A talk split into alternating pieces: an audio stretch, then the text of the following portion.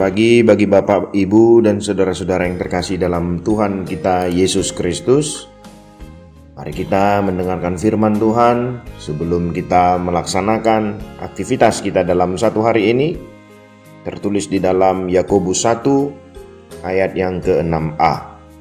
Hendaklah ia memintanya dalam iman dan sama sekali jangan bimbang.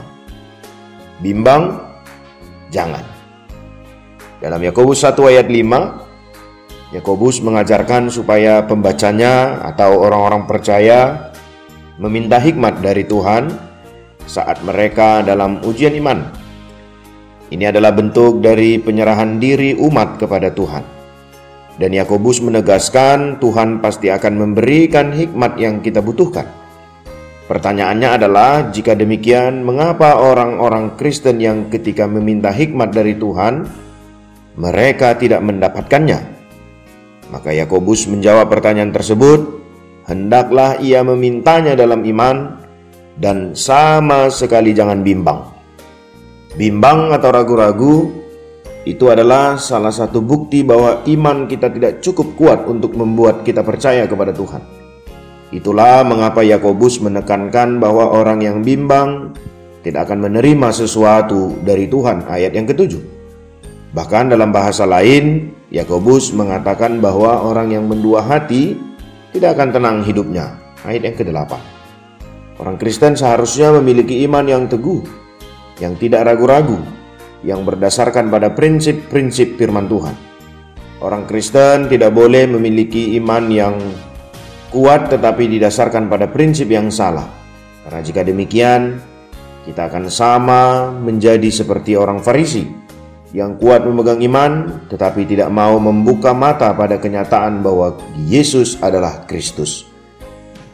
Salah satu hal yang dapat menolong kita untuk memahami apa yang Yakobus maksudkan dengan iman adalah dengan memperhatikan gambaran mengenai orang yang diombang-ambingkan di lautan yang disamakan dengan orang yang tidak memiliki iman.